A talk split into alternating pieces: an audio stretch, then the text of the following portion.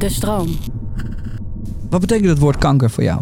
Plekje in mijn hoofd. En hij belde hem op en hij zegt van ja, stond aan de knikken. Het is gegroeid. Jij bent dichter bij de dood geweest dan wij. Ik heb op een gegeven moment mijn vriendin een soort van eh, ticket out gegeven. En toen zei ze van ik heb liever de zware tijden met jou dan de goede tijden met een ander.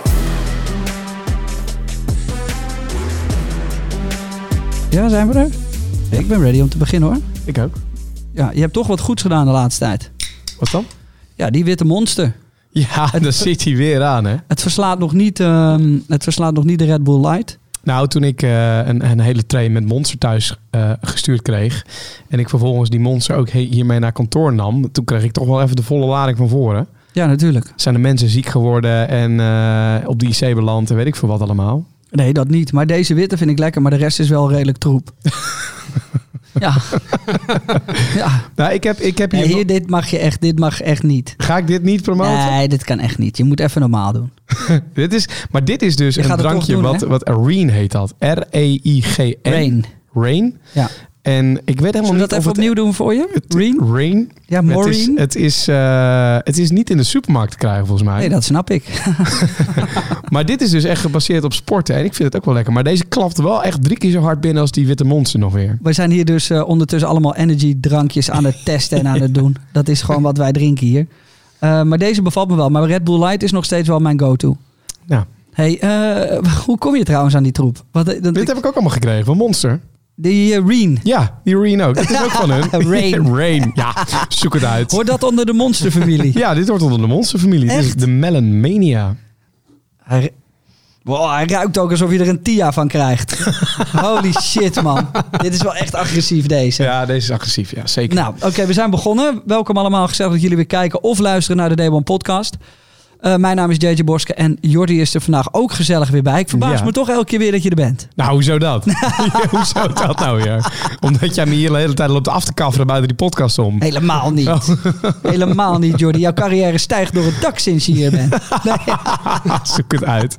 Zal ik je er nog even aan herinneren hoe ik hier naartoe ben gekomen? Ja, met je, met je motorrijbewijs. Ja. Op de motor. Ja. Ja. En waar is die van jou? Ik ben gezakt. Oh, ik wilde, dat niet eens, ik wilde je dat niet eens aandoen. Ik wilde niet eens zeggen dat je gezakt was. Nou, ik, dacht, laten we dat in het midden houden. Maar waarom dan? ik ben gezakt omdat ik in mijn... Ja, de gast zit er gewoon bij. Wij zijn alweer met z'n tweeën in discussie. Maar eh, nou, omdat ik dus de vorige keer bij mijn AVB reed ik te agressief. Ja, dat is dus met die pionnen en zo. Ja, reed ik te agressief. En toen dacht ik, oeh, ik moet even wat rustiger doen. Dus ik dacht nu, ik doe wat relaxter. En ik doe gewoon heel relaxed, want dan haal ik het 100%. En toen stapte ik van de motor af en toen zei hij... Ja, je reed wel wat relaxed, man. ja. Dus toen dacht ik, ja, en nu? Is dat dan goed of is dat dan niet goed? Nee, Jay, kreeg ik ook nog. Overal waar te voor staat is niet goed. Ah. kreeg ik die. Toen wou ik hem stompen. heb ik niet gedaan, maar ik wou wel heel graag. Ik heb nog steeds nachtmerries. En nu moet ik ergens in mei weer afrijden en dan gaan we het zien. Ah joh, tweede keer komt goed. Ja, hey, ehm, we beginnen vrolijk. En ik wil het ook graag vrolijk houden, maar we hebben vandaag wel een verhaal aan tafel. Ja, een, een, een verhaal waarvan ik het gevoel heb dat, dat jij het nog wat beter kent dan, dan ik. Mhm. Eh, want ik, ik heb wel online wat gelezen.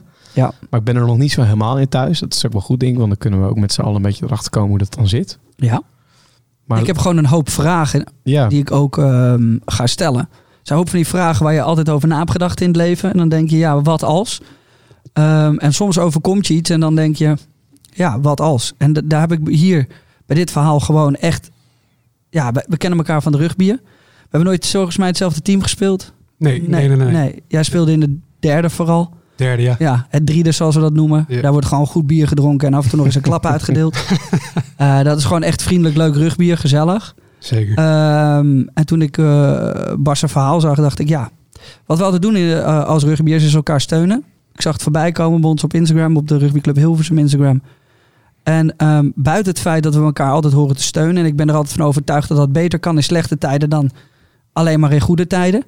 ehm, dacht ik, ja, ik vind dit verhaal ook interessant om het voor onze mensen die dit luisteren en bekijken, ook eens goed de wereld in te gooien. Want ik, we kunnen natuurlijk over een hoop succes praten. We hebben een hoop mooie verhalen gehoord. We hebben ook over een hoop tegenslagen gehoord. We hebben succesvolle ne- ondernemers, eh, gasten, alles kan.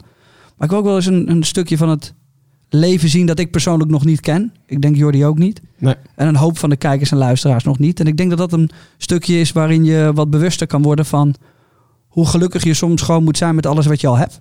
En ik vind dat heel moeilijk. Ehm, elke dag moet ik mezelf er wel aan herinneren dat ja, ik ben best wel gelukkig met wat ik heb. En vooral als ik dan naar Bas' verhaal luister.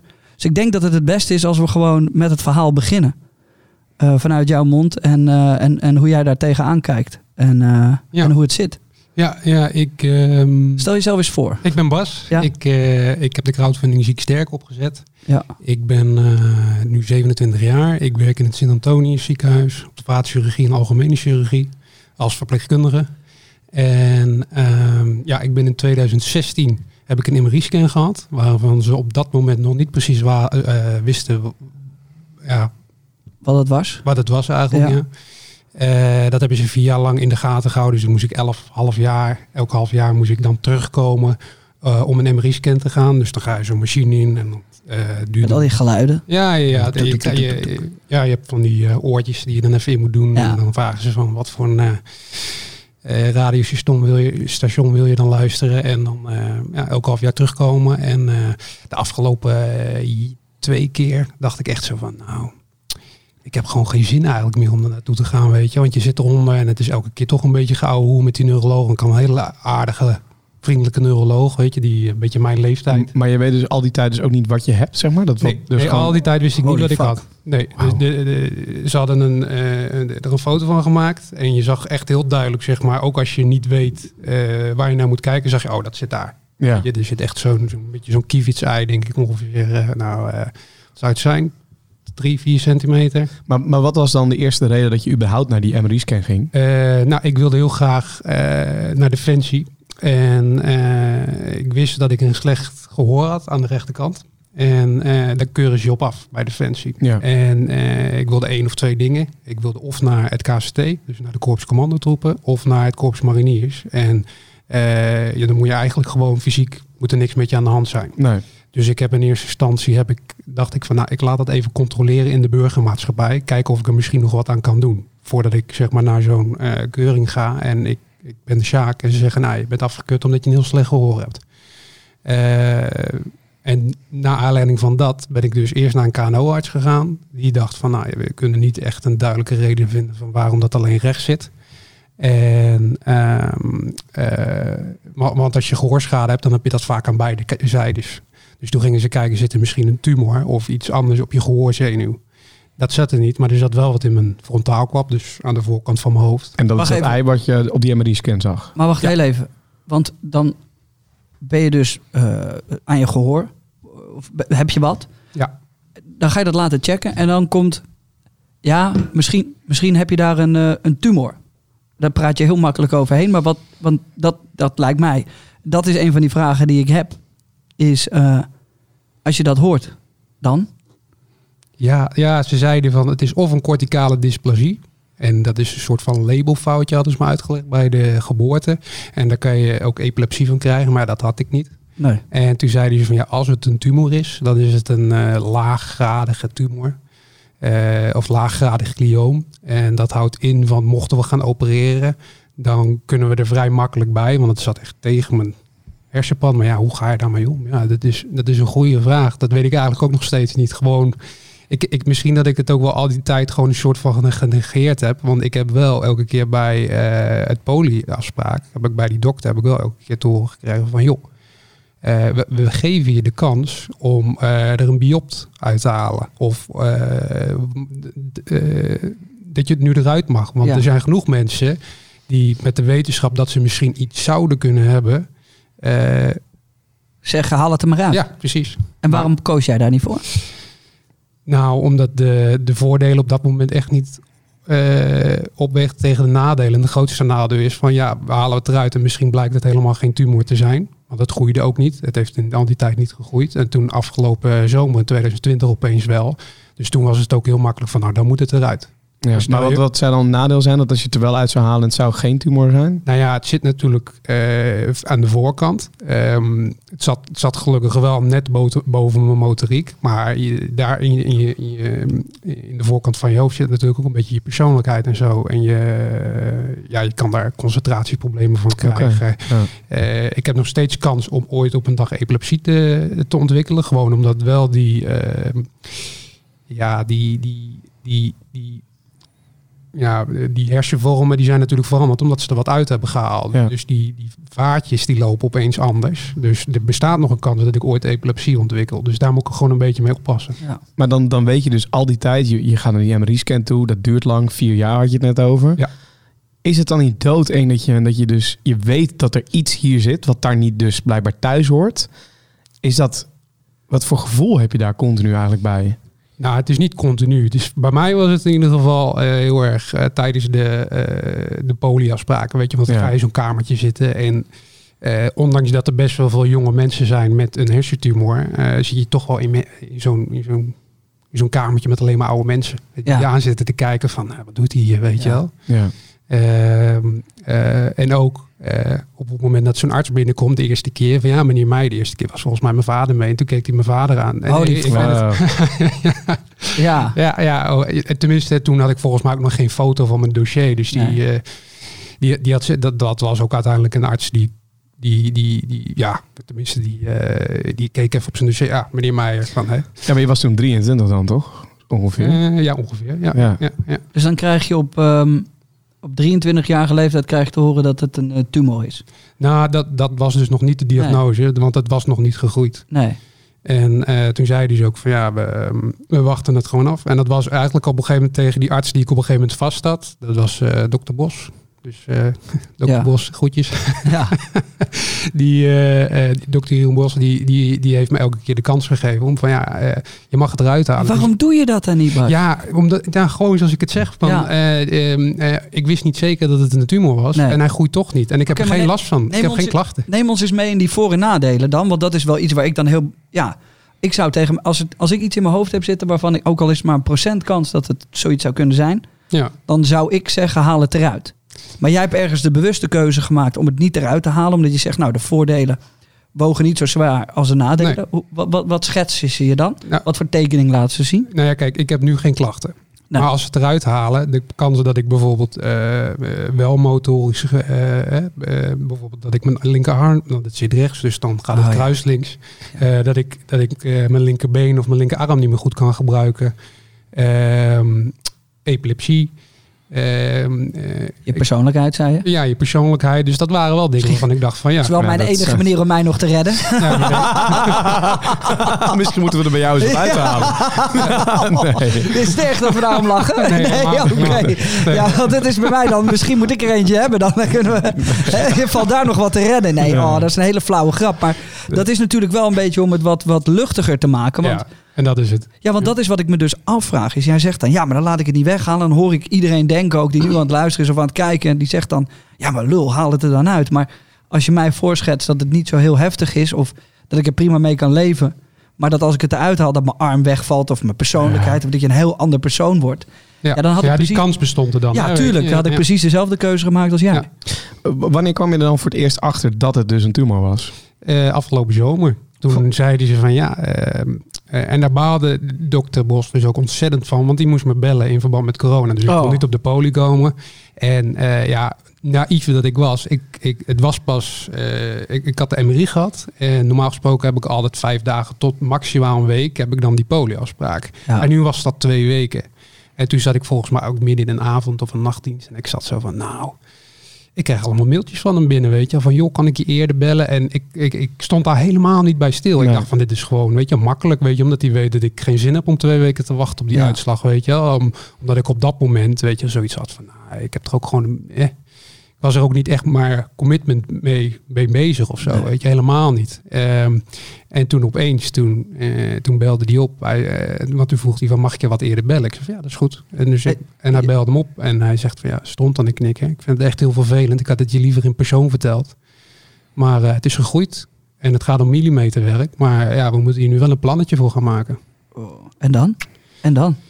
Ja, dan mag je in het ziekenhuis. Nee, nee. Krijg je dan, ook- dan, dan, dan zegt hij dat en hang je aan die telefoon. Ja, dat was kloten. Dat was echt wel kut. Want, eh, ehm, eh, ik, ik stond buiten en mijn vriendin stond binnen. En die had net, ja, haar vader die heeft in 2019 september te horen gekregen dat hij alvleesklierkanker had. En die was daarvoor net geopereerd, eh, een paar maanden daarvoor. En die begon eindelijk weer een beetje in gewicht aan te komen. Die begon weer een- eindelijk een beetje goed te komen. Ja. Ja, en toen kwam ik eroverheen. Ja, schat, we mogen ook voor mij gaan. Want eh, Poh. het is niet goed. Oh, daar krijg ik kippenvel man, van. Ja. En dat was voor, eh, voor ons alle twee, vooral voor haar ook, eh, echt eh reet te zwaar. Ja. Want dan moet je, kan- moet je het aan je ouders gaan vertellen. Dat doe je ook niet over de telefoon. Maar ja, die wonen helemaal andere, die wonen ergens naar achter Arnhem. En dan moet je daarheen rijden. Moet je En daarheen rijden en dan, eh, ja. eh, eh, en, en mijn moeder die, die, die zat al van, nou, ze gaan, nou, ze zijn zwanger, weet je, wel, of ze Nee. gaan trouwen, Ja. zoiets. Zo zat ze daar. Mijn vader zei ook van, jullie gaan trouwen. Mooi, weet je wel, Ah. zoiets. Zo Echt? zaten ze. Ja, ja, echt. Dat, dat was de verwachting. En toen, ja, toen zei ik van, nou, eh Kijk, ik- niet. Ik vind het belangrijk. eh, ik vind het gewoon heel belangrijk om dit te doen. Omdat ehm, praten over succes is makkelijk en hoe je er naartoe komt. Ik wil dit ook meenemen in, in, in hoe de wereld echt werkt. Ik denk dat dat belangrijk is voor iedereen die luistert. Dat het, dat het belangrijk is om, om te genieten. En we gaan zo meteen ook naar hoe jij ervoor vecht. En hoe je ermee omgaat. En hoe je nu het leven ziet. Ja. Ehm, maar ik wil wel even stilstaan bij het feit dat je dan naar je ouders toe moet rijden. En dat elke seconde volgens mij heel lang duurt. Dat is hoe ik het in mijn, in mijn hoofd afspeel. Hè? Want ik heb Ja, dit. ja. Ik ben iemand die best wel visualiseert. Dus ik geloof ook dat ehm, wat jou kan overkomen, kan mij ook overkomen. En kan Gerard op de hoek ook overkomen. Als Kobe Bryant eh 80 kampioenschappen wint, een fantastische familie heeft, onverslaanbaar is en eh, eh, eigenlijk het leven voor het uitkiezen heeft. En zichzelf doodvliegt in een helikopter, dan weet Ja, ik dat ja, de hele zeker. wereld raakbaar is. Ja. Ja. En dat niemand, maar dan ook niemand het voor het uitkiezen heeft. Nee. Dus ik ben me daar heel bewust van. En daarom vind ik dit belangrijk om iedereen die dit luistert en bekijkt, daar nog een stukje bewuster van te maken dat je bent niet bulletproof. Hoe Nee, goed het nee. af en toe ook lijkt, of hoe slecht. Ik denk dat het misschien nog wel mooier is om in slechte tijden dit te luisteren, want het kan altijd nog kutter. Ehm, maar ik wil je ook meenemen en de mensen die luisteren meenemen in het feit dat als je dat aan je ouders vertelt en jouw vader zegt, jullie zijn zwanger. Wat gaat, wat, wat, wat, wat- hoe zit je daar dan? En hoe ga je dat vertellen? En hoe gaat het door je heen? En Ja, van ma, pa, ga maar even zitten, weet je. Want eh, eh, eh, het slecht nieuws, daar begon zoiets. Ik weet het ook niet meer Nee. precies hoor, weet je. Want het is natuurlijk, het waren dingen die gedaan moesten worden, weet je wel. ja. En ehm, dan begin je met van, nou ma, pa, ga maar even zitten. Want ja, stond en ik knikken. Dokter Bos die heeft gebeld. En mijn moeder die trok al helemaal weer weg. Ja. Want die, die wou elke keer mee, weet je wel. Die zat erop te hameren, weet je wel. Ik had op een gegeven moment één of twee keer een MRI-scan ook, weet je wel. Eh, het was vergeten, weet je wel. Dan had ik gezegd, oh, dan kan ik wel werken of zo, weet je wel. En, eh, Ja. ja, weet je, zo ga je er op Zou een ik, ook, gegeven ik moment zou om. precies dat ook Ja, doen. en dan op een gegeven moment, eh, toen trok ze helemaal wit weg. En toen, oh, en toen zei ze ook van, ja, ik, ik, ik voelde het al aan. Weet je wel, die, die, die, dat onderbuik van, die, van, van, wat moeders. moeders dan hebben, weet je wel. Die zei van, ja, ik, ik wist het. Eh, Heb je, heb je na zo'n belletje ehm, enig idee wat de toekomst brengt? Wordt, wordt jou verteld van, joh, luister... Nou, je zei al, we moeten een stappenplannetje gaan maken. Maar weet je of het een goed vooruitzicht is? Weet je of het makkelijk weggehaald kan worden? Want jij gaat op een gegeven moment naar je ouders toe... Ja. met een hoop onwetendheid. Of Op dat moment nog wel. En eh, ook eigenlijk het eerste gesprek met dokter Bos was er dus eigenlijk een, een eh, ook van ja, eh, eigenlijk een, het maken van een plan van aanpak. ja, want ze zeiden op een gegeven moment van hè, we hebben een we hebben een diglioom en daar heb je verschillende gradaties in. En eh, waarschijnlijk is het een graad 2 die op zich goed te behandelen is, zeg maar. In de zin van dat, die, dat we hem eh, goed eruit kunnen halen. Gewoon ook door de positie waar die in zit. Want hij, nou, zoals ik al zei, is dat echt bijna tegen mijn schedel aan bij wijze van spreken. Dan maar dan aan de binnenkant. ja. En eh, daarna moest ik dus het gesprek met de neurochirurg aan. Dus degene die mij zou gaan opereren. Eh, en, ehm, eh, en die ging mij dus vertellen van, nou ja, eh, die zei ook van, luister Bas, weet je, je bent zelf verpleegkundige, dus je weet ook van wat ongeveer, eh, ehm, je kan ongeveer wel inschatten wat de, ja, de klachten zullen gaan zijn na zo'n operatie. Want hij was het in eerste instantie eigenlijk nog heel erg positief over. Van nou, we denken dat het een G2 is, weet je wel. Van, eh, dat halen we eruit. En mogelijk, hè, weet je, als mocht het een keer terugkomen, dan hebben we dat over 15 of 20 jaar. En doordat het op zo'n plek zit, Ja. komt het vaak ook weer op, met hersentumoren, komt het ook weer op diezelfde plek terug. Ja, maar is dan... ehm, ik zou ehm, heel slecht gaan op het feit dat hij zegt mogelijk en zou kunnen. En Ja, misschien is het wel. ja. Maar ja, dat, dat heb je natuurlijk met elke operatie. Hè? Weet Ja. je wel, van ook als ik een, eh, een, een, eh, een blinde darm laat Ja, maar, ja, maar je hebt eh, een tumor. Snap- de- Ja, de- ja, ja, in, mijn, klopt. in, mijn, in mijn gedachten Dat is niet hetzelfde, nee, dat snap ik. Nee, nee, maar ik, dat, ja, het feit dat ik geopereerd zou moeten worden, oké. Maar de, voor de mensen om mij heen zou het lekker zijn ook om. Is dat dan wat je tegen zo'n dokter zegt? Van ja, misschien een graad 2 of de fuck. Ja. Weet je wel, eh, doe even je werk. Dat zou ik denken, hè, want ik ben onwetend Ja. in dat soort Ja, dingen. Ik dat zou zeggen, doe even je werk en eh, vertel me wat ik echt heb. Want het is wel even belangrijk deze. Ja, ja, maar dat weten ze dus pas op het moment dat ze het eruit halen. Ja. En eh, toen zei hij dus ook van we verwachten dat het een graad 2 is. Dus mocht, eh, weet je wel, van mochten we dit, eh, mocht het weer terugkomen, dan doen we gewoon het trucje eigenlijk weer opnieuw. Over een jaar of twintig, weet je wel. Zo, Ja. zo werd het me een beetje gebracht. En toen ben ik geopereerd. En toen drie weken later, toen eh, na die operatie, want dan gaan ze het onder de microscoop bekijken. En ook op moleculair niveau. En daar heb ik nog geluk mee. Want dat doen ze dus pas sinds een paar jaar op moleculair niveau kijken. En dan kijken ze naar de mutaties en dergelijke. En eh, bij de, ze zeiden van nou, onder de microscoop ziet het eruit als een graad 2. Maar eh, op de moleculair niveau is het een, eh, zit er een TERT-mutatie. Ik had er ook nog nooit van gehoord. En de verpleegkundig specialist die me dat op een gegeven moment dan daar nog heeft nagebeld van ga nou niet van alles oplopen zoeken. Want ja, het is slecht nieuws. Ja, niet googlen en nee. Nee, nee, want zij zei van zoek je vaak zelf dingen op. Ik zei van ja, altijd. Weet je, dat doet iedereen. Je wil Ja. toch weten ongeveer. Ik heb, maar ja, ik heb heel vaak als je met googelt- vrouwen seks gehad. En dan was het... eh, ja, was het- ja. was als ik het had opgezocht en ik had een keertje jeuk, dan had ik echt van alles. Ja, maar nee, luister, ja. op het moment dat je al last van je tenen hebt en je zoekt daarop, dan ga je al bijna dood. Laat staan als Ja. je op dit Ja. niveau gaat zoeken, dan word je helemaal gek, denk Ja. ik. Ehm, maar dus, dus die mutatie die kan er dus voor zorgen dat het zich ooit als een graad 4 kan gaan gedragen. Ja, dat, dat was eigenlijk de grootste klap. Want ik dacht van uit zo'n operatie, weet je, dat kan ik. Weet je, Mhm. die, eh, ze gaan opereren, ik ga daar liggen, ik ga onder zeil. Ik kreeg ook nog, ja, er was nog even sprake van moeten we het een wakker, wakker doen, weet je wel. Dan dan mag je gaan zingen en eh, vader Jacob gaan zingen op de operatiekamer. Hè, wat? Ja, Ja, dat is lijp. Ja. Wat is dit?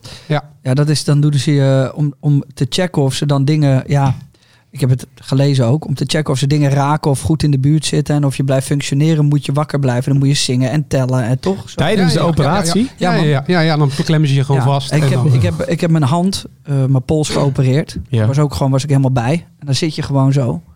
En dan voel je gewoon dat ze je aan het Oh. opensnijden zijn. En Dus daarom ga ik daar ook heel slecht op. Ik heb een paar keer geopereerd en ik dacht, oh. Maar dan, en, en, en dan? dan Ehm, oh, sorry, ja, de, de graad 4, dat is wel even een dingetje. ja, ja, dat was Oh, wel echt... dat- maar- Ja, toen, toen belde hij me op. En toen, oh man, toen zakte wel echt de grond onder mijn eh, voeten vandaan. Want al die focus, die lag op die operatie. Ik denk van, kan, daarvan kan ik revalideren. Weet je, dat kan ik... Alles wat ik daaraan overhoud, hè, bij wijze van spreken, Ja. dat valt te revalideren. Ook als ik een spraakgebrek krijg. Of op het moment dat ik... eh, eh, en dat zijn allemaal dingen die ze hebben opgenoemd. Van, joh, luister, eh, dit zou je kunnen krijgen. Maar die, die, die chirurg die ik heb gehad, professor Dr. Robio, die is zo ontzettend goed. Mhm. Weet je, die, die zei ook tegen mij van, weet je Bas, eh, dit gaat goed komen. Want het zit in een voor, redelijk voordelig gebied. Weet je, dus jij gaat daar, ik moet je dit vertellen, omdat dit mogelijk zeg maar zou kunnen gebeuren. Maar die kans is zo klein, dat, snap je, weet je, Ja. dat, je de, de, de, dat het waarschijnlijk niet gebeurt. Maar ja, er bestaat wel een kans. Dus ik moet het je vertellen, want dat zijn ze, dat zijn ze verplicht. Ja. Ze kunnen niet niks zeggen van, oh, dat komt wel goed. Weet je wel, en vervolgens Nee, ja, eh, ik zou daar dus... met zo'n armpje. Ja, maar het is, het is dus... ehm, je, je krijgt klap na klap na klap. Dit Ja. is dan een soort van... Dit zal niet voelen als de genadeklap, maar wel de klap waarvan je denkt... Oh, hier ga ik acht tellen. Ja. Ehm, ergens hoor ik in je verhaal ook dat ze... eh, dat, dat de afwisseling in wat ze je vertellen zou me verwarrend lijken. Dus eh, het begint met best wel, best wel sober en oké. en daarna wordt het naar best wel heftig. Ja. Had je niet liever gehad dat ze je vanaf het begin meteen het meest heftige hadden kunnen, eh, verteld? Ja, maar dat dan- konden ze niet, want ze wisten niet wat erin zat. Nee, maar daarom moet je toch juist zeggen dat het het... Ja, ik, ik, Ja. ik heb veel Nee, ik, vragen. snap, dus ik, ik, nee ik, begrijp, ik, begrijp, ik begrijp helemaal. als ze tegen mij gevoel. zeggen, Jay, Ja. als je hier naar beneden springt en je breekt allebei je benen, that's it. Dan denk ik, maar ja, misschien moet ik het wel doen. Ja. Maar op het moment dat ik naar beneden spring, ik ben meteen dood, dan weet ik, oké, dat moet ik niet doen. Nee, Dus weet, de- misschien maak je dan andere keuzes op het moment dat het, het, het slechtste scenario wordt omschreven. Want je gaat Ja. nu van best wel oké, dat je denkt, nou, ik zou het nog kunnen Ja. redden, naar heel erg slecht eigenlijk. ja, kijk, ze hebben het natuurlijk wel altijd verteld. Weet Ja. je wel? Maar ze zeiden de kans is eh, groter dat het dit is dan Ja. dat het dat is. Ja, en dan is het gewoon domme pech. Weet je, daar kan Ja. niemand wat aan doen. Daar kan zo'n arts niks aan doen. eh, zo'n, eh, zo'n, die, die artsen die kunnen daar gewoon niks aan doen. Weet je. Nee. En dat is dus het, het, het hele nare aan die situatie, is dat je er niet makkelijk bij kan. Nee. Want het zit in zo'n, eh, het zit gewoon echt in een klote gebied. En waar sta je dan nu? Want dat, die operatie heeft dus vorig jaar, eind vorig jaar plaatsgevonden. Drie- 23 oktober 2020 ben ik geopereerd. Ja, en eh, nu is het dan inmiddels eh, 26 april. Ja. Hoe sta je er nu voor? Want, want het is dus verwijderd, maar Ja. de kans dat het weer terugkomt is groot, zeg maar. Of, Nou ja, het, het komt sowieso terug. Weet Ja. je, die hersentumor eh, die komt sowieso terug. Ik heb nu, eh, eh, ben nu bestraald, zeg maar. En tijdens mijn opera na mijn operatie hebben ze nog een keer een MRI-scan gemaakt. Ehm, en op basis van die MRI-scan, weet je, gaan ze nu de volgende MRI-scan beoordelen. Van is er wat, hè, toch nog wat bijgekomen, zo, of teruggekomen, of wat dan ook. en betekent dat dat je dan nu weer datzelfde traject van die, nou, bij wijze van spreken, vier jaar of langer, totdat er weer wat groeit? Dat zou kunnen, ja. Ja, dat weet je niet van tevoren. Ik heb nu, even kijken, afgelopen donderdag heb ik de MRI-scan gehad. Dan hoor ik vrij, aankomende vrijdag hoor ik daar dan de, de, de uitslag van. Ehm, ja, en dan eh, gaan we verder kijken. En eh, ehm, geen idee, tenminste, ik ga er even vanuit dat het gewoon helemaal prima is. Weet je, Ja. van, eh, ik ben... Maar het is dus, je leeft eigenlijk in één grote onzekere, ja, ja. onzekere wereld nu. Want je weet niet wanneer die terugkomt. Nee. Je weet ook niet hoe lang je nog hebt voordat die terugkomt. En, en dan er nog bij, zeg maar, want je noemde die graad 4. Het zou dus kunnen dat hij dus terugkomt en dan in dus graad 4 terugkomt. ja, ja. Wat is dan graad 4 en wat is graad 2? Er zit dan ook nog graad 3 tussen, of niet? Of... Ja, je, je moet zeg maar... eh, ja, ik, ik ga niet beweren dat ik nu een expert ben, hè, weet je. nee, nee, nee, maar... College gaat zitten geven, maar... Nee. Je zeg maar, je hebt een, een graad 1 en 2 en dat wordt dan als, eh, dat zou je als goed aardig kunnen beschouwen. Eh, maar het nadeel van die graad 2 is dat het zich ooit als een 3 of 4 kan gaan gedragen. En 2, dan, ehm, dan groeit het wel. Eh, ook in di- diffuus, zoals ze dat noemen, weet je. Dus dan zit het ook echt in je cellen. Ja? Weet je, graad 1, dat is eigenlijk gewoon bij wijze van spreken een knobbeltje. En dat haal je Mhm. eruit en klaar, eigenlijk. En Ja. graad 2 kan zich nog tot een graad 3, tot een graad 4 zeg maar ontwikkelen. En graad 3, 4, dan heb je dus over een agressieve vorm van hersenkanker. Eh, of een eh, tumor Ja. die zich zeg maar ook ergens anders in je lichaam kan gaan settelen. En die zeg maar zo De snel groeit. Ja, ja, ja, dus Ja. eh, die zo snel groeit, weet je, dat je ook echt wel klachten gaat krijgen. En gelukkig heb ik ook nu nog steeds, nou ja, niet of nauwelijks klachten. Nee. Je wil dan naar het KST, Ja. de mariniers, je Ja. speelt rugby. Je hebt dus een sterke mind. Je weet dat je van een redelijk eh, specifiek afzien houdt. Of, nou ja, je houdt ervan Ja, om, af te zien en, en te rammen en te beuken en, en gas te geven. Dat helpt je waarschijnlijk in dit gevecht. Ja, zeker. Ehm, maar je hebt ook afscheid moeten nemen daarvan, denk ik. Ja, van Defensie eh, met name. Weet je, Ja. van rugby weet ik het nog niet zo zeker. Nee. Want ik heb wel ook een keer gevraagd, weet je, van, mag, ik al, weet je, Ja. mag ik? Want ja, ik heb natuurlijk wel van die plaatjes in mijn hoofd. En dat zal altijd een gevoelig plekje blijven. Ja. Eh, maar rugby ga ik nu gewoon echt niet opgeven. Want ik dacht van, de pak, dan, pak, dan pakt het universum me dat ook nog af. Weet Ja. je wel, dat zou wel Ja. echt, eh, dat zou ik wel echt kloten vinden. Maar rugby, want nou ja, dat kunnen jullie beter uitleggen. Veel met je hoofd klappen, opvangen, et cetera. Is dat dan niet levensgevaarlijk in zo'n Ehm, situatie? Nou ja, kijk, het zal altijd een gevoeligere plek blijven. Ehm, dus ja, het is natuurlijk de vraag of het verstandig is. Want de arts zei ook van, ja, maakt het ons ook niet makkelijk, Bas. Weet je. Nee. weet je, je doet aan kickboksen en dan naar mee en naar rugby. En dat zijn juist de sporten waarvan we willen dat je het juist eigenlijk niet doet. Maar dat is met name tijdens de herstelperiode, weet je. Want in principe zou het gewoon mogelijk moeten zijn voor mij om, da- om die sporten straks op te kunnen pakken. En ja, of het verstandig is, dat is natuurlijk een tweede. Eh, eh, ja, ik vind dat een beetje lastig, weet je. Je bent nu 27. Ja. Je hebt je operatie gehad. Je gaat nu weer een, nou, misschien tumorvrije jaren in. Dat is dan even de vraag natuurlijk. Sta je anders in het leven nu? Geniet Ja. je meer van dingen? Ja, zeker, weet je. Ik ben me wel heel erg bewust van die kwaliteit van leven. En de, ehm, ja, gewoon het... eh, eh, som- sommige dingetjes, weet je, waar ik me vroeger heel erg druk over kon maken, weet je. Bijvoorbeeld een eh, wijnvlek in de bank of zo, weet je. Mhm. Godverdomme, we hebben net die bank, weet je wel, zoiets. Eh, ehm, op een gegeven moment, net rond die operatie, hadden we met een kat, weet je. Die had op een gegeven moment ook een ongelukje gehad op de bank. Dat ik denk van, potverdikke me, weet je, kutbeest. Ja. Herkenbaar. Eh, maar dat was allemaal voor de operatie. En, en dan kom je daarna en dan denk je van ja, wat maak je eigenlijk druk om, weet je wel. Van, eh, Is dat, is dat iets wat, wat bewust gaat? Ben je, ben je bewuster gaan leven? Ben je meer genieten van, eh, gaan, gaan genieten van dingen? Of pakt het leven Ja, het gewoon ik, weer op? Ik, ik heb eigenlijk gewoon besloten om het leven weer op te pakken, Ja. weet je wel. En sommige, eh, het is ook een beetje onderbewust, weet je wel. Van dat je van bepaalde dingen wel eh, echt veel meer geniet dan dat je... eh, ehm, Zoals, waar kan je nu echt van genieten? Ja, met eh, een biertje met mijn vrienden. Ik denk dat iedereen dat tegenwoordig nu al heeft met COVID of zo, weet je wel. Of eh, gewoon even uit eten met mijn vriendin of zo, weet je wel. Dat momentje, die, echt die kwaliteit van... eh, of bij mijn ouders nu, weet je wel. Even, even Hoe doe je dat vechten? Waar, waar komt die strijd dan vandaan? Want op, je hoort dat woord kanker op een gegeven moment. mhm, ja. Ehm, hoe zorg je dat je strijdbaar blijft? Hoe zorg je dat je elke keer weer jezelf oppakt? Want ik denk dat voor een hoop mensen dat... Kijk, kanker is denk ik de, ehm, de ergste vorm van iets waarin je denkt... Oké, hier moet ik echt gaan vechten. Maar ik denk dat het handig is voor mensen ook om te weten... dat je gewoon voor alles moet vechten. Ja, ja. En, en in, de, in mijn geval is het natuurlijk wel soms moeilijk om te relativeren van, oh, ben ik nu echt aan het vechten? Want ik heb, ik heb niet of nauwelijks klachten. Wat dat betreft heb ik geluk, Ja, tussen aanhalingstekens. ja lijkt me super eng. Ehm, eh, dus je, weet je, je ligt dan ook tijdens na die operatie lig je ook op een kamer met mensen die, die, die bijvoorbeeld al twee jaar lang hoofdpijn hebben of uitvalsverschijnselen in die dan denken dat het een hernia is geweest.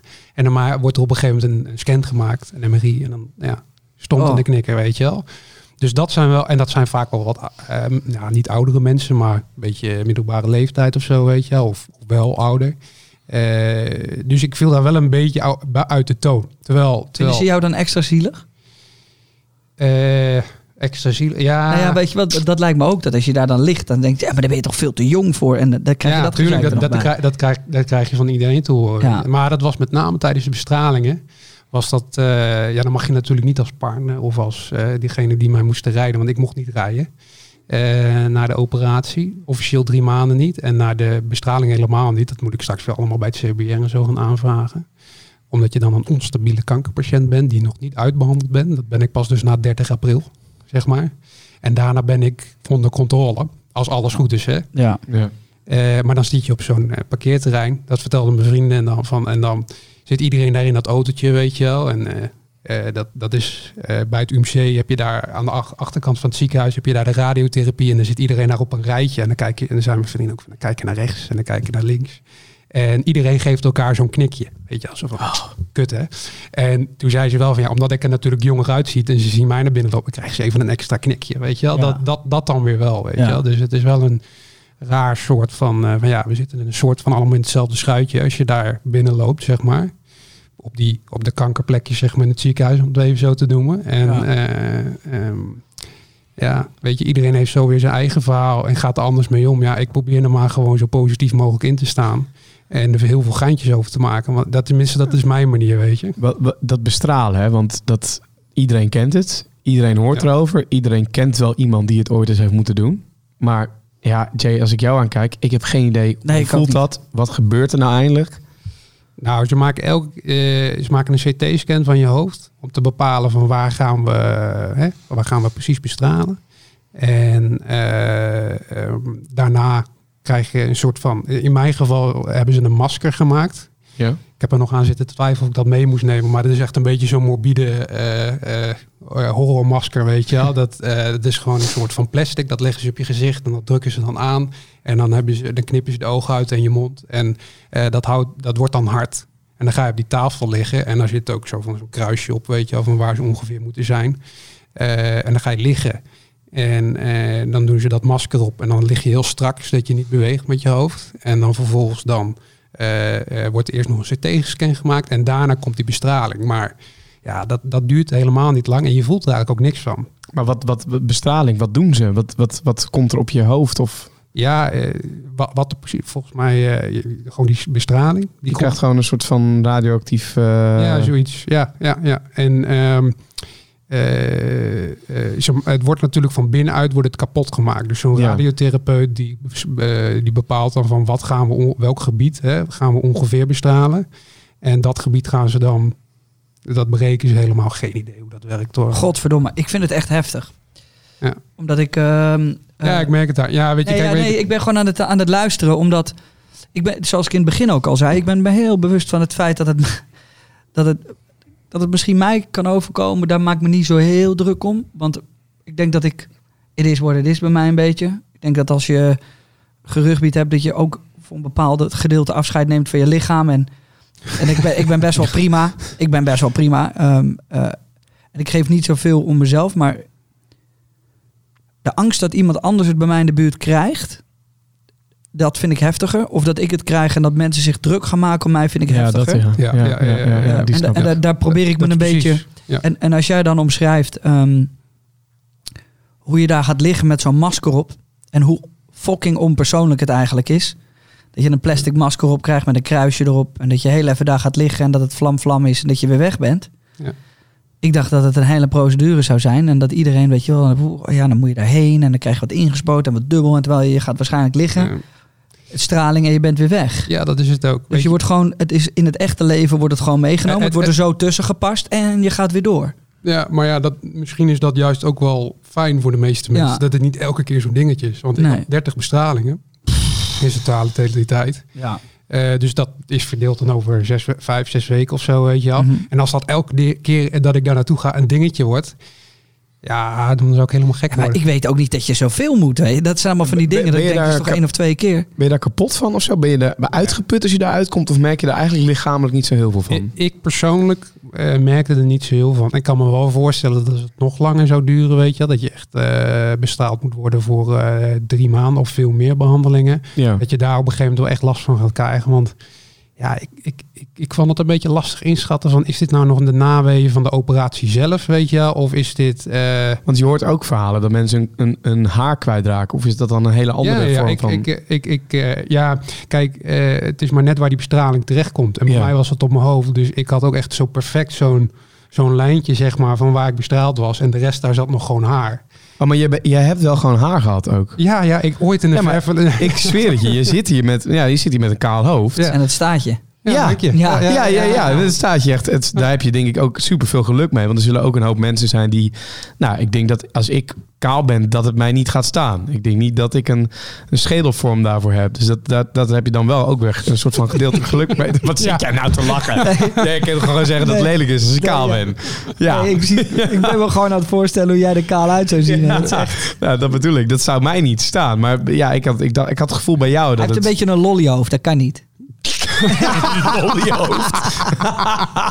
Ja, Jordi en kaal, dat zou echt... Ik hoop echt dat het niet bij jou in de familie nee, zit, nee, man. Nee, nee, nee, nee, gelukkig niet. Gelukkig niet. Ja, maar goed, jij hebt dus gewoon haar gehad. Maar dat was dus bij jou dan wel ook een, een verschijnsel inderdaad dat, dat jouw haar wegging. Ja. Ja dat, dat, dat, dat, dat, dat dan wel, weet je. Dus ik kreeg op een gegeven moment een beetje zo'n eh, zo'n kapsel wat die wiskundeleraar allemaal hebben, weet je wel. Ah. Dus, eh, ja, weet je- nu wil ik het echt niet hebben. Nu wil ik het wel, echt niet hebben. Ja. Dit- werd dan helemaal mooi kaal. En de rest, dat bleef doorgroeien. Dus op een gegeven moment, als ik het had laten kunnen groeien... had ik een paar van die sprietjes, zeg maar. Maar dat betekent dus ook dan, want eh, waarom heb je dat niet gelijk weggehaald? Is, dat die, is die stap toch nog groot om jezelf Ehm, kaal te scheren? Nou, ik dacht van eerst even kijken wat er nou echt gebeurt. Want ze zeiden Ja. op een gegeven moment van na de tiende behandeling, zeg maar. Dus na twee weken, dan, Kan dan, jij zo dan valt je nuchter uit. blijven met al die shit? Da- dan valt het uit. Ja, maar dat, je Ja. wordt, bent zo nuchter erin. Je bent best wel goed Ja, maar dat, dat, eigenlijk. dat, dat, is, dat is misschien ook hoe je er een beetje in moet staan. Tenminste, dat is hoe ik erin sta. Ja. Weet je, van eh, hoe een ander daarmee omgaat. Ja, dat, dat zijn zijn hem of haar. Mhm. Maar in mijn geval eh, ging dat prima. Mag ik één hele persoonlijke vraag Ja, stellen? natuurlijk. Ja. Heb je over de dood nagedacht? ja, zeker. Ja. ja, ik op een gegeven moment toen zat ik echt wel... Weet je, Spotify te kijken van wat, eh, wat voor liedjes eh, Ja. ging ik eh, afspelen. En wat gingen we dan afspelen? I'm survive. I will survive. Oké, maar eh, lig je dan in bed s'avonds en ben je dan aan het visualiseren over hoe de dood eruit ziet? nou, ik ijsbeer altijd. Als ik Ja? het ergens moeilijk mee heb. Ja, dan loop ik door de kamer. Weet je, en dan... eh, Leuk voor je vriendin. ja, heerlijk. Ik Ja. word daar knettergek van. Ja, snap ik. Die werkt ook alleen maar thuis de Ja. laatste tijd. Dus, eh, Ja. Maar hoe, hoe ziet het eruit volgens jou? Wat, waar- wat, wat voor dingen heb je daar gevisualiseerd? Waar heb je over geijsbeerd? Hoe, ja, hoe ga je met... Want je, jij bent dichter bij de dood geweest dan wij. Snap je wat ik daarmee bedoel? ja, ja, ik snap heel goed wat Jij je hebt, bijna, jij hebt hem in de ogen gekeken bijna, op die manier. Ik bedoel, het hangt boven... Ja. Nou ja, ik- Het, hangt, het, het zwaard van Dam, Het- Damocles, Ja. dat hangt boven mijn hoofd. ja, dat hangt meer boven je. Dat hangt bij jou dichterbij dan bij ons. Ja. Op het moment, hè? Ja, op het moment, ja. Ja. Hoe, ga je, hoe, hoe ziet dat eruit? Hoe, hoe- ben je daar dan mee bezig? Want je moet, ben je dan al bezig met een begrafenis? Of ben je dan al bezig met een... Met, met, ga je dan gecremeerd worden? En, en maak je dan druk om of het wel of niet bestaat? Het leven na de dood? Ja, ja, op een gegeven moment ga je er wel over nadenken, weet je wel. En eh, van, eh, bestaat er dan zoiets als een hemel of een hel, weet je wel? En eh, weet je, want ik ben helemaal niet geloof, nog steeds niet hoor. Weet Nee. je, ik ben niet nu opeens heel fanatiek dat ik naar de kerk ga, weet je wel, of iets dergelijks. Ehm, maar bijvoorbeeld met gelovige collega's van mij, weet je, die het wel zijn, heb ik het er wel over gehad, weet je Ja. Tijdens de donkere nachtdienst op het Sint-Antonius. Ja. en wat, wat, wat, eh, hoe heb je het gevisualiseerd? wat zie je? hoop- Wat ik, voel je? ik- weet- nou, weet je waar ik eigenlijk op hoop? En het klinkt heel stom. Mhm. Ik hoop dat als het gebeurt, weet je dan hoop ik net zoals iedereen dat het niet al te, hè, te mensonterend is, weet je, dat ik helemaal uitgemergeld in de armen van mijn vriendin lig, weet je wel, en dat, Ja. eh, dat ik een schijntje ben van degene wie ik ooit ben geweest, maar dat er gewoon iemand, dat ik dan doodga, weet je, dat de tijd dan even stilstaat en dat er dan iemand van boven komt en die zegt van al die domme vragen die je hebt, weet je, stel ze maar en ik zal de antwoord op geven en dan neem ik je mee en dan, eh, dan, dan, dan is het goed. Heb je die eh, documentaire gezien op Netflix? Welke? Is het After Death? Nee, die heb ik nog niet gezien. Moet je Nee. kijken. Heel Ga lijp. doen. Heel lijp. Ja. Mensen die, ehm, eh, tussendoor, mensen die dood zijn geweest. Dus er was Ja, zelfs een ja. vrouw die 30 minuten lang dood was. Oh ja, die weer. Die heeft van alles meegemaakt. Zo. En die, die zei dat het prachtig was. Dus, maar is dat... Ja, ehm, Goed om te weten. ja, heb je, geen, Ja. heb je geen fuck aan. ja, ja, ja, ja. Ik snap ook niet waarom ik die erin gooide. Maar ik nou, ik ben blij dat ik even kan lachen, want mijn Ja. god. Maar het is... ehm, ja, ik hou wel van... Ik, ik, het lijkt mij... Ik zou dan gaan lopen en zou gaan denken van... Hoe, hoe, hoe zou het zijn? En wat wil ik? En waar ga ik heen? Ja, ja maar ehm, voor mij is het ook al van... Ik probeer niet te veel na te denken over dat soort dingen, weet je. Dat je het dan misschien jinxt. Ja, wie weet. Of Ja. dat het gewoon... eh, hè, dat je toch wel een beetje in die negatieve spiraal... Want ik ben wel heel erg druk bezig om heel veel positiviteit om me Ja, heen ja. te verzamelen. En waar ik dan wel een beetje bang voor ben... dat op het moment dat ik misschien niet meer de energie heb... om die, energie, om, die positieve energie om me heen te verzamelen... dat, dat eh, als het stof gedaald is... dat ik dan misschien wel een heel depressief kereltje word of zo. Ben je nooit depressief geweest dan terwijl dit gebeurde? Of depressief? Voor, voor zover ik weet in een donker hoekje gezeten? Ja, tuurlijk wel in een donker hoekje. Maar eh, zeker. Maar bij- ja, ik weet niet. Bij mij duurt dat niet zo. Nee. Hoe ziet dat donkere hoekje eruit? Ja, dat donkere hoekje komt natuurlijk elke dag wel een keer naar boven. Weet je, dat ik even een keer chagrijnig ben of zo tegen mijn vriend. Die, heeft dat, die moet het natuurlijk wel ontgelden, want die is er altijd, weet je wel. Eh, maar hoe ziet dat eruit? Ja. ja, bij mij uit het zich altijd een beetje in irritatie. Of juist eh, dat ik me even afsluit van mensen, weet je wel. Dus eh, ja, Voel je je wel eens hulpeloos? Tuurlijk. Zeker. Leven is kut, weet je wel, denk ik dan. Van godverdomme, sorry. Ik weet niet of ik dat mag zeggen. Ja, zeker. Ja. Ja. Ja. Eh, van shit man, weet je. Want, eh, het is gewoon niet eerlijk, weet je wel. Want ik, ik, doe, ik heb niks gedaan om dit te verdienen, bij wijze van spreken, weet je wel. De waarom ik vraag. Ja, precies waarom ik. Weet je waarom... eh, hè? Ik, ik, ik rook niet, weet je. Ik zorg vrij goed voor mezelf, weet je. Ja, natuurlijk drink ik ook wel eens een biertje of weet ik veel wat. Maar Je drinkt in ieder geval niet die troep van Jordi. Dat is, eh, wat dan? wat dan? Nou, ik denk dat je dan echt sneller doodgaat. Die rain die hij je bij zich geeft. Dat zou ik niet meer doen als ik jou was. Ik heb het net op, dus eh, lekker. Ik heb er zin in. Maar dat is, dat, je zorgt dus goed voor jezelf. En, Ja, en ga je dan ook een rekensom maken? Of denk je dan het licht ergens aan? Of, Nou, de enige reden waarvan ik zou kunnen denken dat het ik misschien heb zou kunnen oplopen, is dat ik best, of ja, dat het op een gegeven moment is gaan groeien misschien, is dat ik, ja, eh, suikers zijn heel slecht voor je tumor, zijn slecht voor jezelf, maar goed voor je tumoren. En ik ben wel een beetje een zoetkou. Dus misschien, en daar blijf je nu dus ook vanaf van suikers. Nee, nee, nee, nee. Nee, want dan moet ik alles, weet je, van dan moet Ja. ik opeens allemaal dingen gaan Ja. opgeven, weet je, omdat, omdat en dat is, dat maakt het soms zo moeilijk. Ik heb geen klachten of wat dan ook, hè, van, eh, en het is niet dat ik nu, eh, ik, eh, ik doe maar wat, weet je wel. Maar ik, ik, ik denk daar wel over na, want Ja. ik ga nu niet, weet je wel, eh, eh, het moet niet je leven gaan dicteren, weet je wel. Van nou, ik kan geen rugby meer doen, want ik heb een paar plaatjes in mijn hoofd van, huh, ik kan geen suiker meer eten, omdat het eigenlijk niet zo goed is voor je tumoren, weet je wel. Ja, weet je, ik, ik, ik ga mezelf niet compleet veranderen Omdat. omdat Nee. ik een tumor heb. Het moet niet zeg maar eh, je persoonlijkheid gaan worden, weet je. Dat is eh, denk ik Ja. heel belangrijk. Ik probeer meestal, ja. Ik ben eigenlijk altijd op voorbereid. Klinkt het raar? Ik ben er eigenlijk altijd op voorbereid dat of zoiets mij gaat overkomen of iemand naast me. Of iemand die ik goed ken. Ja. Omdat ik, ik wil niet geblindsided worden.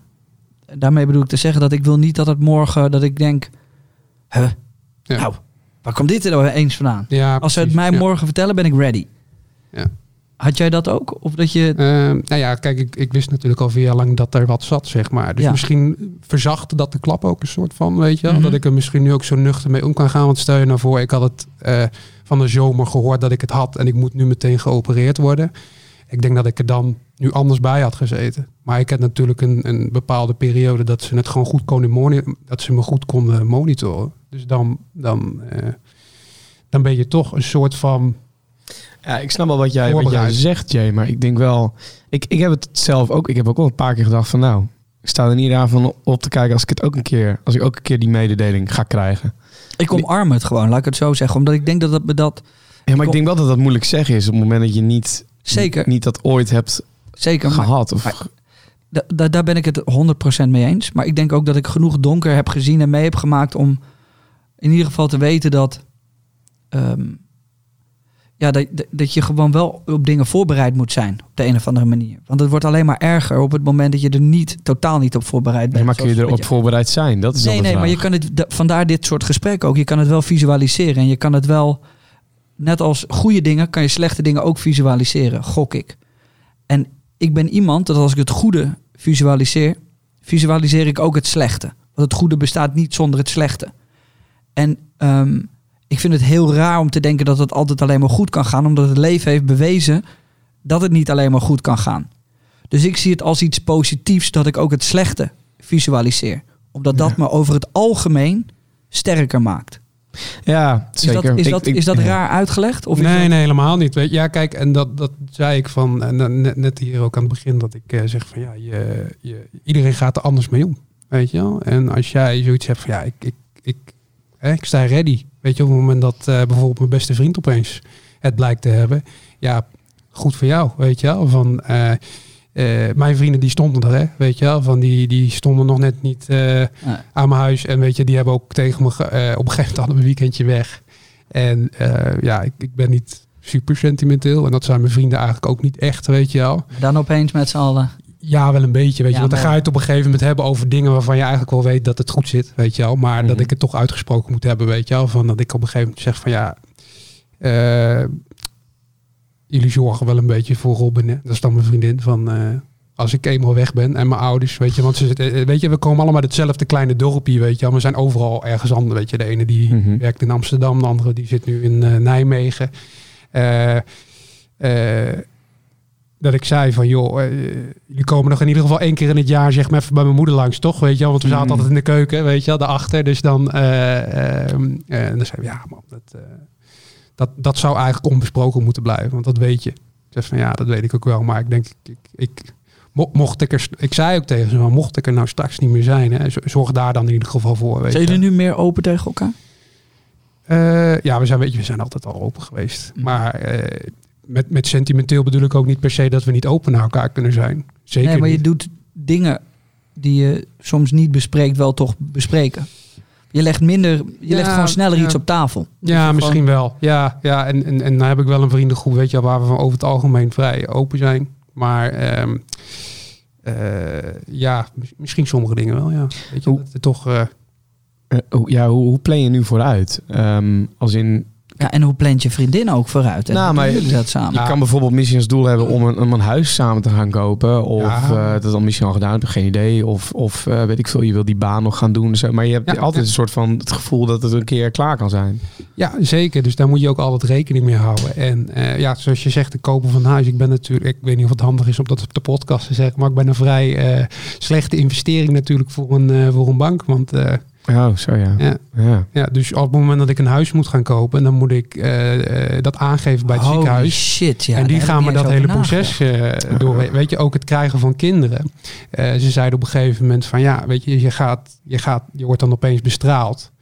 Ehm, eh, en het kan redelijk Ah, uitzakken naar je bekken. Ja, weet je wel? En dan kan je dus zeg maar eh, een minder goede kwaliteit van zaad hebben. Maar ja, dan moet je dat opeens gaan invriezen. Heb je dat gedaan? Ja, dat heb ik gedaan voor de zekerheid. Ja. Maar ja, dan zit je met een heel ander eh, stresspuntje, weet je. En dan leef je het in. En dan zit je bij de embryoloog. En dan zeg je van, nou ja, shit man. Eh, ben ik eigenlijk wel vruchtbaar? Ja. En dan, dan zit je daar. En vervolgens dan moet je... eh, dan krijg je dat een dag later te horen. Maar ja, dan zit je wel even, weet je, met zwetende handjes van... Voor hetzelfde geld ben je steriel of zo. Weet je, dat zou helemaal kut zijn. Ja. Ja, dus dan kom je het ene hoppeltje na het andere kom je dan tegen. En Wat, sta- wat, staat er dan nu op de, wat staat er nu op de planning? Is dat. Want er komt zo fucking veel meer bij kijken dan ik dacht. Dat je gewoon. Ik, ik zit ook in een, in een huis kopen op het moment. Ja. Maar dat, ik, dat ze gewoon zeggen: ja, maar meneer. is allemaal hartstikke leuk, maar hoe zit dat? En dat blijft zich herhalen, omdat. Ja, ja, ja. ja. Dus dat, vechten. Ja, het, het volgende doel voor mijn vriendin en ik is gewoon een huisje kopen.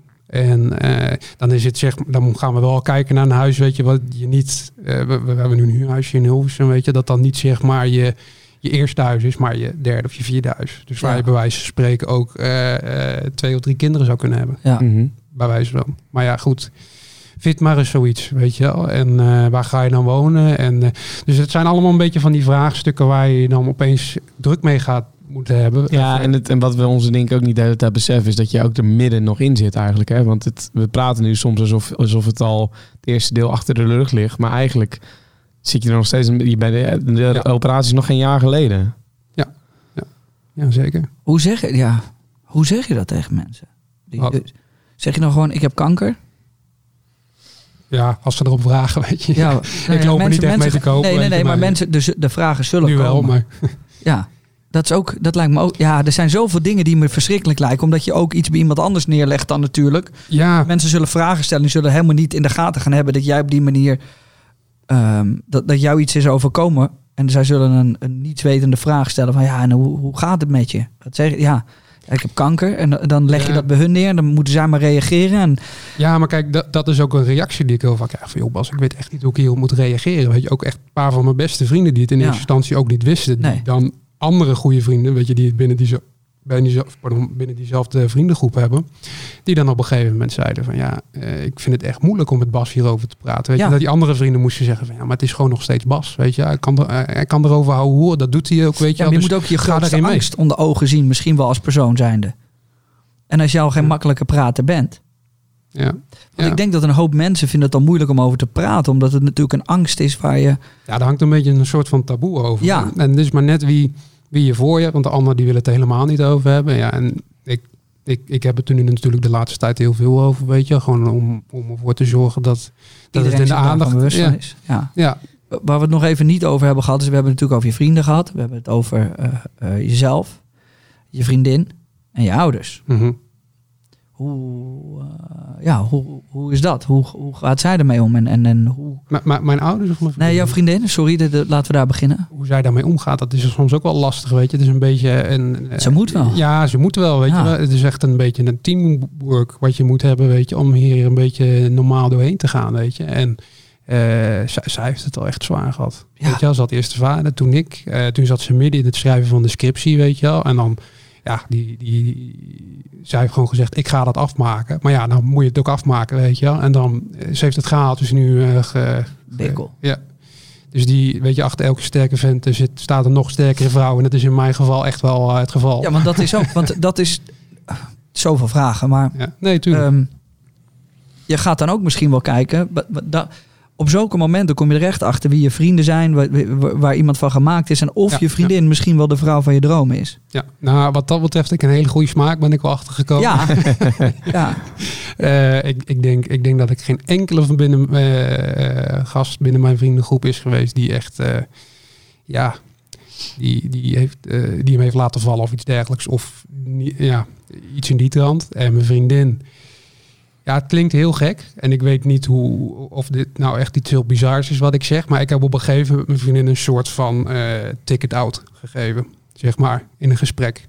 Dat ik zei van, luister, eh, als jij niet met mij door wil gaan op, eh, om die reden. En een beetje een soort van gentleman's Agreement. agreement, weet je wel. Van, ik vind dat ik, ik dat moet, dat ik haar die kans moet geven om uit deze situatie te vertrekken. Ja, En waarom kreeg- zou je dat doen? Gewoon even om advocaat nou, de kijk, te spelen? we- nou stel je voor dat we bijvoorbeeld kinderen krijgen, weet je wel. Van, eh, we gaan trouwen, krijgen kinderen en eh, voor hetzelfde geld ben ik er niet meer tegen de tijd dat die kinderen vijf zijn. Ik zeg maar wat, hè. Mhm.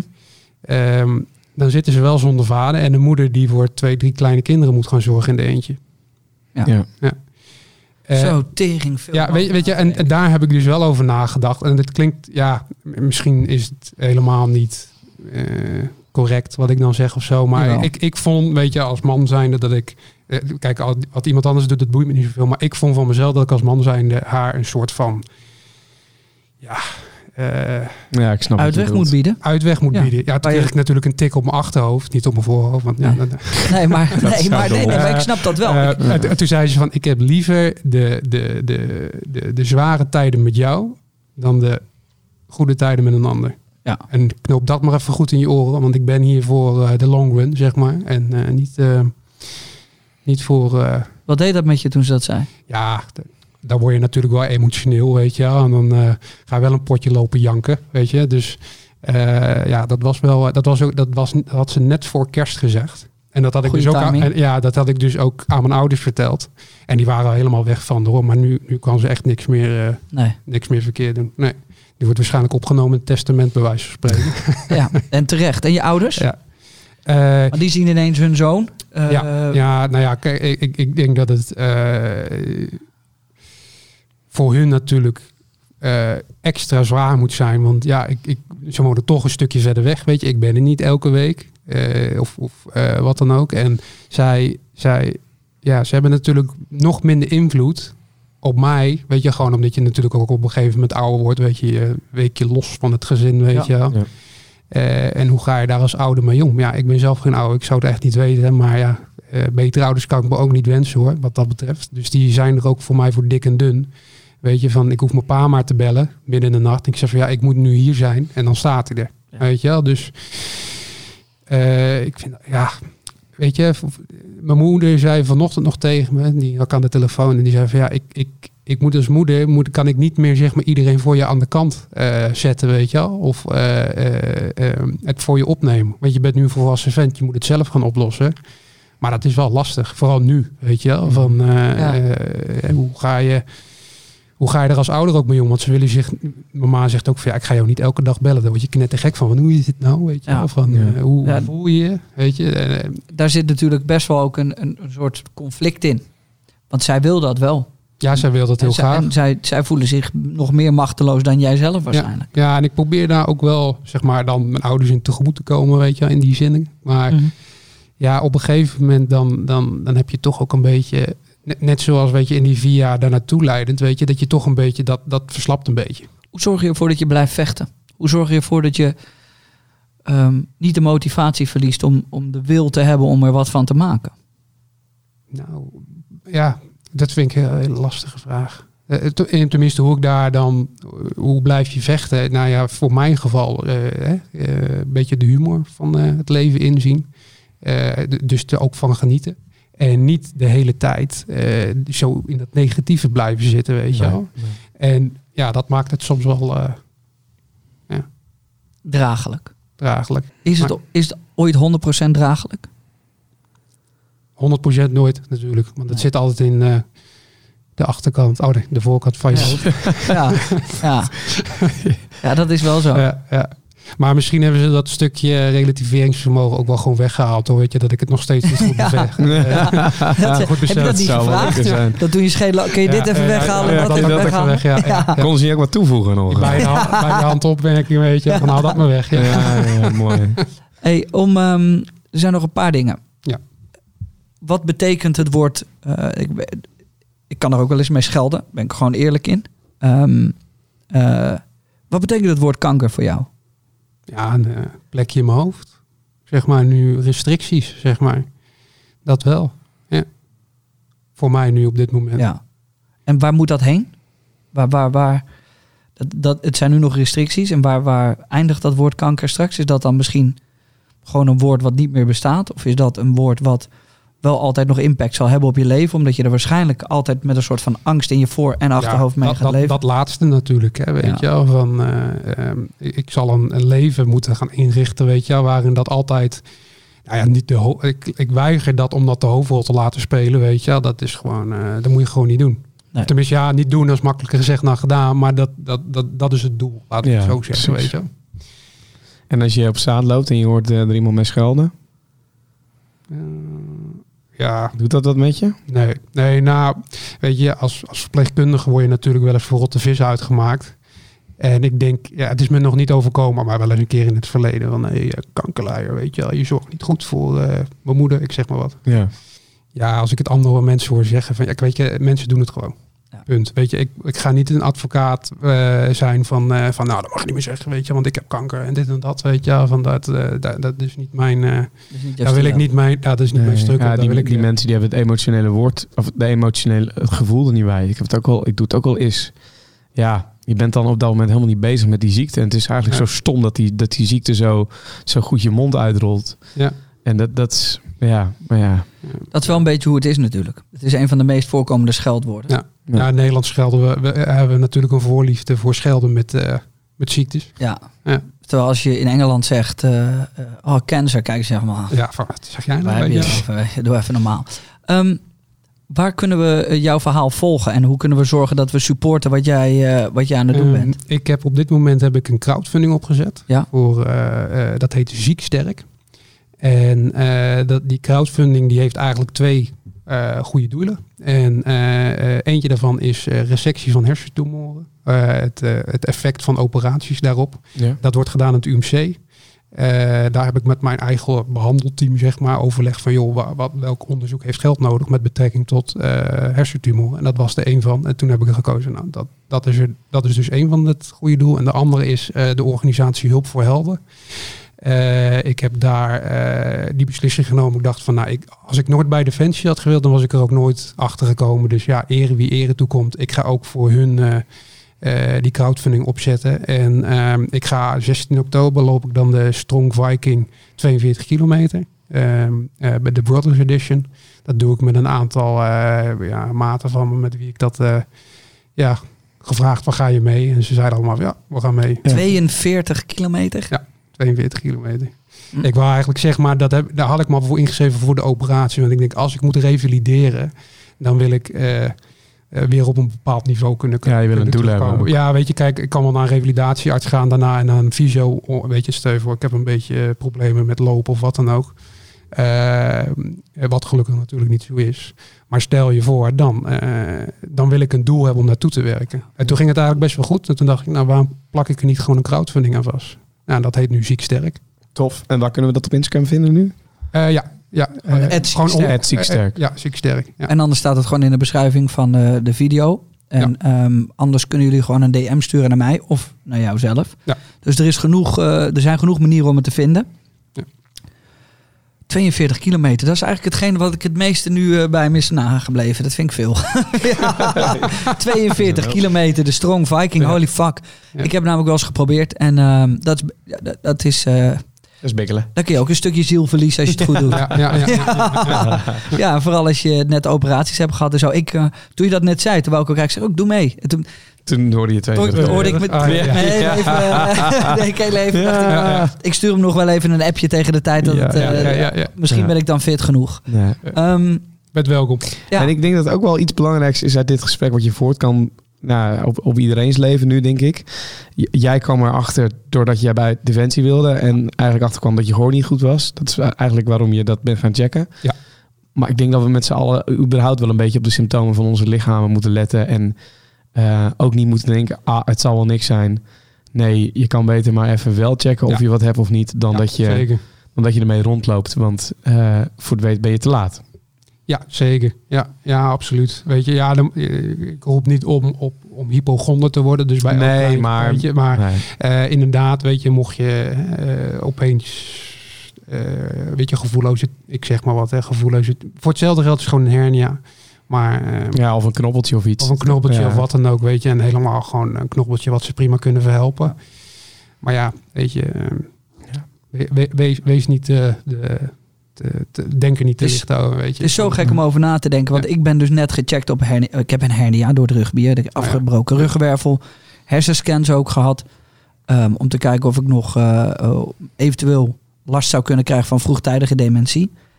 Maar wat jij nu vertelt is geen seconde door mijn hoofd heen gegaan dat dat ook een possibility zou kunnen Ja. zijn. Bij jou hadden ze alleen dat ze aan het kijken waren. Dat ze, god meneer, eh, meneer JJ Boske, zit er wel wat in eigenlijk. Ja. ik wil hier zoveel zeggen, maar ik hou mijn mond. Het gaat anders de echte verkeerde kant op. Ja. Dus, maar het is, dit, zijn van die dingen waar je dus... eh, ehm, kan je jezelf ergens op voorbereiden? Ook al als je, als je niets hebt of whatever. Kan je rekening houden? Of zeg mentale je gewoon, weerbaarheid. ja. of zeg je gewoon leef je leven en je Le- ziet leef je leven. Ja. Ja. absoluut. Weet je, geniet van elke seconde. Hè? Het, leven Ja. is, het leven is kort. Ja, Ja. en we zijn er maar even. Ja. En we zijn niet zo belangrijk af en toe als dat we denken. Ja. Dus je kan maar beter gewoon doen waar je zin in hebt. Ja, en zeker. maak er iets leuks van. Ja. Want op het moment dat we gaan denken dat we super belangrijk zijn en dat de wereld jou eh, gaat omarmen als Gandhi, die kans is heel erg klein. Ja, je bent ja, gewoon een passant. Ja, ja absoluut. Wij ook hier met z'n allen. Ja. En ehm, ik denk dat, daar denk ik wel eens over na. Ik denk dat, even voordat we afsluiten. Ja hoor. Ik denk er dus wel eens over na dat als ik morgen sterf, hè, Mhm. dan denk ik dat er een, best wel wat mensen op mijn, op mijn begrafenis komen. Maar ik weet ook dat op het moment dat de mensen bij de begrafenis weglopen, zal weer hun telefoon pakken, even een appje versturen, toch in de auto stappen, wegrijden, toch een deur open weer maken thuis, de computer opstarten, s'avonds gewoon weer in bad gaan, gaan eten, praten met vrienden, ja, de wereld gaat praten met familie. Daarmee wil ik eigenlijk zeggen is dat de wereld stopt niet. Die stopt niet. Hij En- gaat gewoon door. ja, Ja. en dat is best wel onvergevingsgezind, maar ook wel heel mooi. Wat zou je tegen ze zeggen als het, eh, als het toch zo blijkt te zijn? We hebben nu hier een camera, we hebben hier nu microfoons. Wat zou je zeggen? Ja, Ja. ja. dat ik heel Omdat- veel van ze hou, weet je. En ja. ja, mijn ouders die hebben een fantastische jeugd gehad, weet je. En ik, ik ben niet een hele vervelende tiener geweest, maar wel, eh, ze hebben wel heel veel geduld met mij gehad hoor. Ja. Zo, ja. Vooral mijn vader, weet je. Die, eh, daar heb ik nog wel eens... ja, gewoon dat hij echt kwaad op me was, weet je. En, eh, en mijn vriendin ook, weet je. Die, eh, daar, die, dat ik ook ontzettend veel van haar hou. En eh, ja... Ja, wat moet je daar nog meer over zeggen, weet je. We zijn En- vijf en een half jaar samen. Ik ben nog steeds hartstikke verliefd op haar. Dus, en mijn vrienden, die zijn echt die, door dik en dun, weet je. Als ik nu zou zeggen van, nou, weet je, die gast, die moeten we pakken, weet je. wel. Ik zeg maar wat, hè. Ja, ja, dan gaan ze. ja, dan, is het zonder vraag, hè. Mooi. Dan is het, dan hoeven ze het niet eens te weten. Mooi. Het is En geen als, oproep eh, tot geweld, hoor, mensen. nee, maar, nee. eh, Nee, Ik wou en net als, zeggen, ik ga eh, niks verkeerd nee. Ik vind je een hele aardige, aardige man. Staat ze bij jullie vanavond voor de deur. Nee, nee, Zagen jullie naar mij kijken in die podcast? ja, ja. en gewoon het leven moet gewoon doorgaan. ja, het leven moet gewoon doorgaan, alsjeblieft, weet je wel. Probeer er niet te veel bij na te denken. En eh, ik heb al tegen mijn vriendin gezegd van, joh, elk jaar hebben we bij mij, bij, dat dorpje waar ik het net over had, waar mijn ouders ook zitten, daar hebben ze elk jaar dan, dat noemen ze dan het zomerfeest. Daar heb ik tegen mijn vriendin gezegd van, als we kinderen krijgen en ik ben er niet meer één voorwaarde, maar je gaat elk jaar terug naar die drie dagen. eh, en dat is gewoon feest, weet je wel. Dat is echt Ja. zo'n Boerenfeest. Ja, Ja, zo'n gezellig. boerenfeest, Ja, mooi. weet je, waar ons kent ons, weet je. Ik van, Weet je, bij wijze van spreken, je hoeft er niet eens elke week naartoe. Maar als je maar één, belooft dat je één keer in het jaar daar naartoe gaat, dan die, die dagen daar de kids mee naartoe neemt. Ja, we hebben nog geen kinderen, dus ja, maar, maar we hebben het nu over. Maar mocht dat het geval Gaat niet zijn- lang duren als ik het zo even mag horen. Ja, leuk. Ja, ja. Nice. Ja. Het is, het is mooi, dankjewel hiervoor. Ik vind Ja. het mooi om te horen hoe dan ook een soort van de belangrijke dingen toch in een soort van eh, sneltrein belanden. Dus een huis kopen en kinderen. Terwijl ik iemand ben die daar heel lang over na moet denken. En denkt, oh, Ja, ik ook hoor. Ja, dit, dit heeft ook wel echt een tijdje geduurd voordat ik met mijn vriendin ging samenwonen. Weet Ja. je? En nu moet je daar toch wat, eh, wat makkelijker in. ja, moet je wat makkelijker zijn. Van, eh, ja. En kids kunnen eigenlijk altijd wel. Ja, daar wachten we nog echt wel even mee hoor. Ja. Maar eh, bijvoorbeeld trouwen, dat, eh, ja, Dat kan best wel snel gebeuren. dat kan nog wel snel gebeuren. Ja, Volgende week vrijdag. ja, ja. Jordi kan plaatje draaien hoor. Jordi Ja, kan hoor. plaatje draaien, 100%. JJ eh, als MC. 100%. Als jij gaat trouwen, Ja? komt hij plaatje draaien fucking cool. en ik Ja. kom MC. Daar Oh, hou ik mooi. je aan. Ja, Mooi. mooi. Ehm. Dankjewel dat je bent langs geweest. Ja. Ik hoop dat we in Jullie ieder geval ehm, mensen wakker hebben kunnen maken. En ik hoop dat ze ook even gaan kijken naar waar ze jou kunnen steunen. Ja. Ehm, Jordi, ja, het moet toch altijd even afgesloten worden met een vieze commerciële eh, boodschap. Zeker. Je kan ons gewoon even volgen op Spotify of op het hartje drukken. Dan blijf je gewoon op de hoogte als er weer een nieuwe podcast online staat. Doe het ook even op Apple Podcast als je een iPhone hebt. Dat staat gewoon op iedere iPhone. Kun je ook gewoon abonneren. Eh, kun je ook je comment achterlaten. Vijf sterren, dat zou tof zijn. We hebben nog één codewoord nodig. Die iedereen in onze DM kan sliden om aan te tonen dat ze tot het einde geluisterd hebben. Die mag jij verzinnen, Bas. Dat doet eigenlijk iedere week eh, de gast. Een codewoord. Die is Een gewoon... codewoord. Ja, die Ja. horen ze nu aan het eind van Nou, de Bas podcast. heeft En ook echt dat nog sturen- never naar onze podcast Nee, dat is ook wel weer leuk. Chill Bas. Ja, ik, ik, ik, ik druk hem altijd weg, zeg maar, voor het einde van de reclames. Dus. Ja, ja, precies. ja, ja, ja, ja, ja. Je, doet je goed eruit. Ja, ja, ja. Eh, wat, wat zou jij als codewoord doen? Codewoord. Ja. Eh, Je gaat nu straks dat woord in je DM krijgen van mensen omdat ze tot aan het einde van de podcast hebben geluisterd. eh, sterk. Sterk. Sterk. Ja. Mooi. Mooi. Heel mooi. Heel Het mooi. codewoord is dus sterk. Jordi dan, denkt, ehm, Jordi denkt dat is sterk. Oh, Ze vinden me sterk. Nee, Jordi, dat is nou, ik ben blij vooral dat hij niet het woord kanker heeft eh gedaan als Ja, codewoord. ja. Want dan had ik echt een paar weken gedacht... Dat, een, oh, Ja, wat is dit? Ja. Heb ik weer wat geks op Q-Music gezegd? Ja, ik weet het niet. Nee, eh, sterk is codewoord. eh, en, en volg ons gewoon even overal, toch? En dan zijn we de volgende week gewoon weer, gewoon weer bij. Gewoon Of je nou aan het kijken of aan het luisteren bent. Dank jullie wel. Dit was de Day One podcast. En we hopen dat jullie er iets van op hebben gestoken. En zo niet, ja, dan heb je niet goed geluisterd. Ciao.